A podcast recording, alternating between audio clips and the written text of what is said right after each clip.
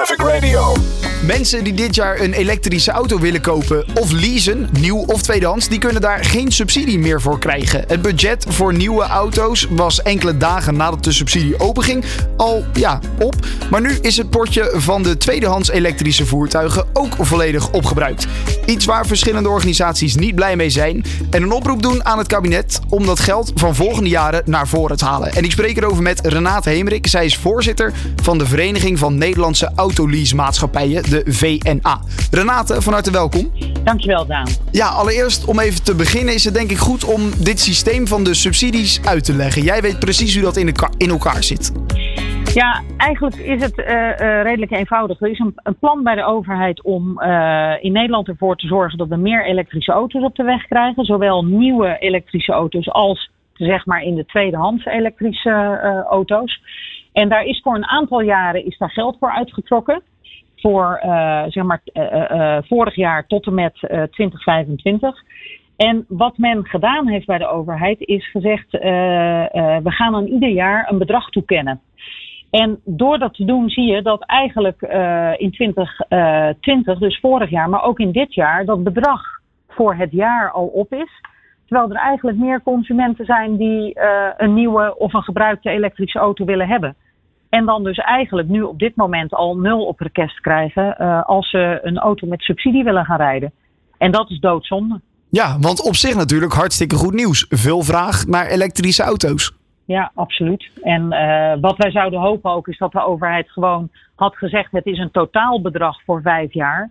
Uh, en niet zoals wij dat zeggen, de jaarschotten erin geplaatst hadden.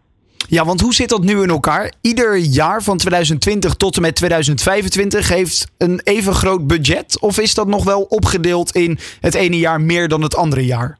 Nee, dat is opgedeeld in, in zeg maar een, een, uh, een oplopend bedrag, zeg maar. Hè. Dus voor vorig jaar was iets minder dan voor dit jaar. Oké. Okay. Um, en wat je ziet is dat ze een bedrag aan een auto hebben toegekend. Dus iemand die vorig jaar een nieuwe elektrische auto kocht, die kreeg 4000 euro subsidie. Uh, dit jaar is dat 3700 en volgend jaar is dat 3350. Dus ze laten dat wat oplopen. Dus hoe eerder je komt, hoe meer subsidie je krijgt. En uh, ja, dat is fantastisch. En wij zeggen eigenlijk, hoe meer mensen zo snel mogelijk in een elektrische auto stappen, hoe meer milieuwinst we hebben. Dus uh, ja, dat, is een beetje zonde dat het nu zeg maar met die jaarschotten iedere keer stopt en weer, uh, sorry, starten en weer stopt.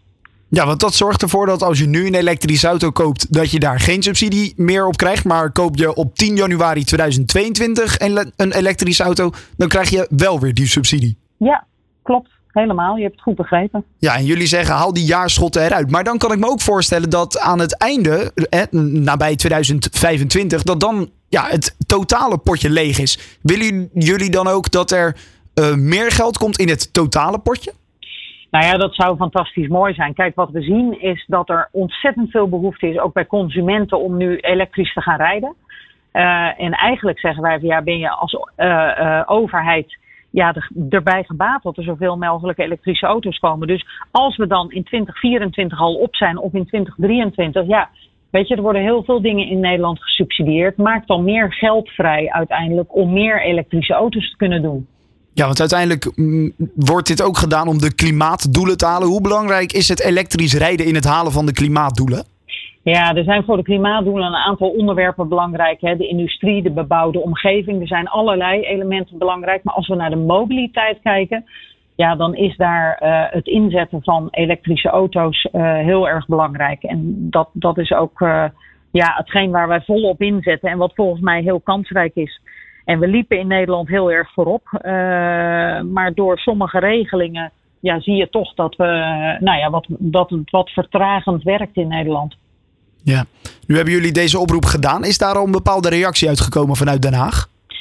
Nee, nu nog niet. En ik denk dat in Den Haag natuurlijk, kijk, het plan ligt voor de komende vijf jaar vast.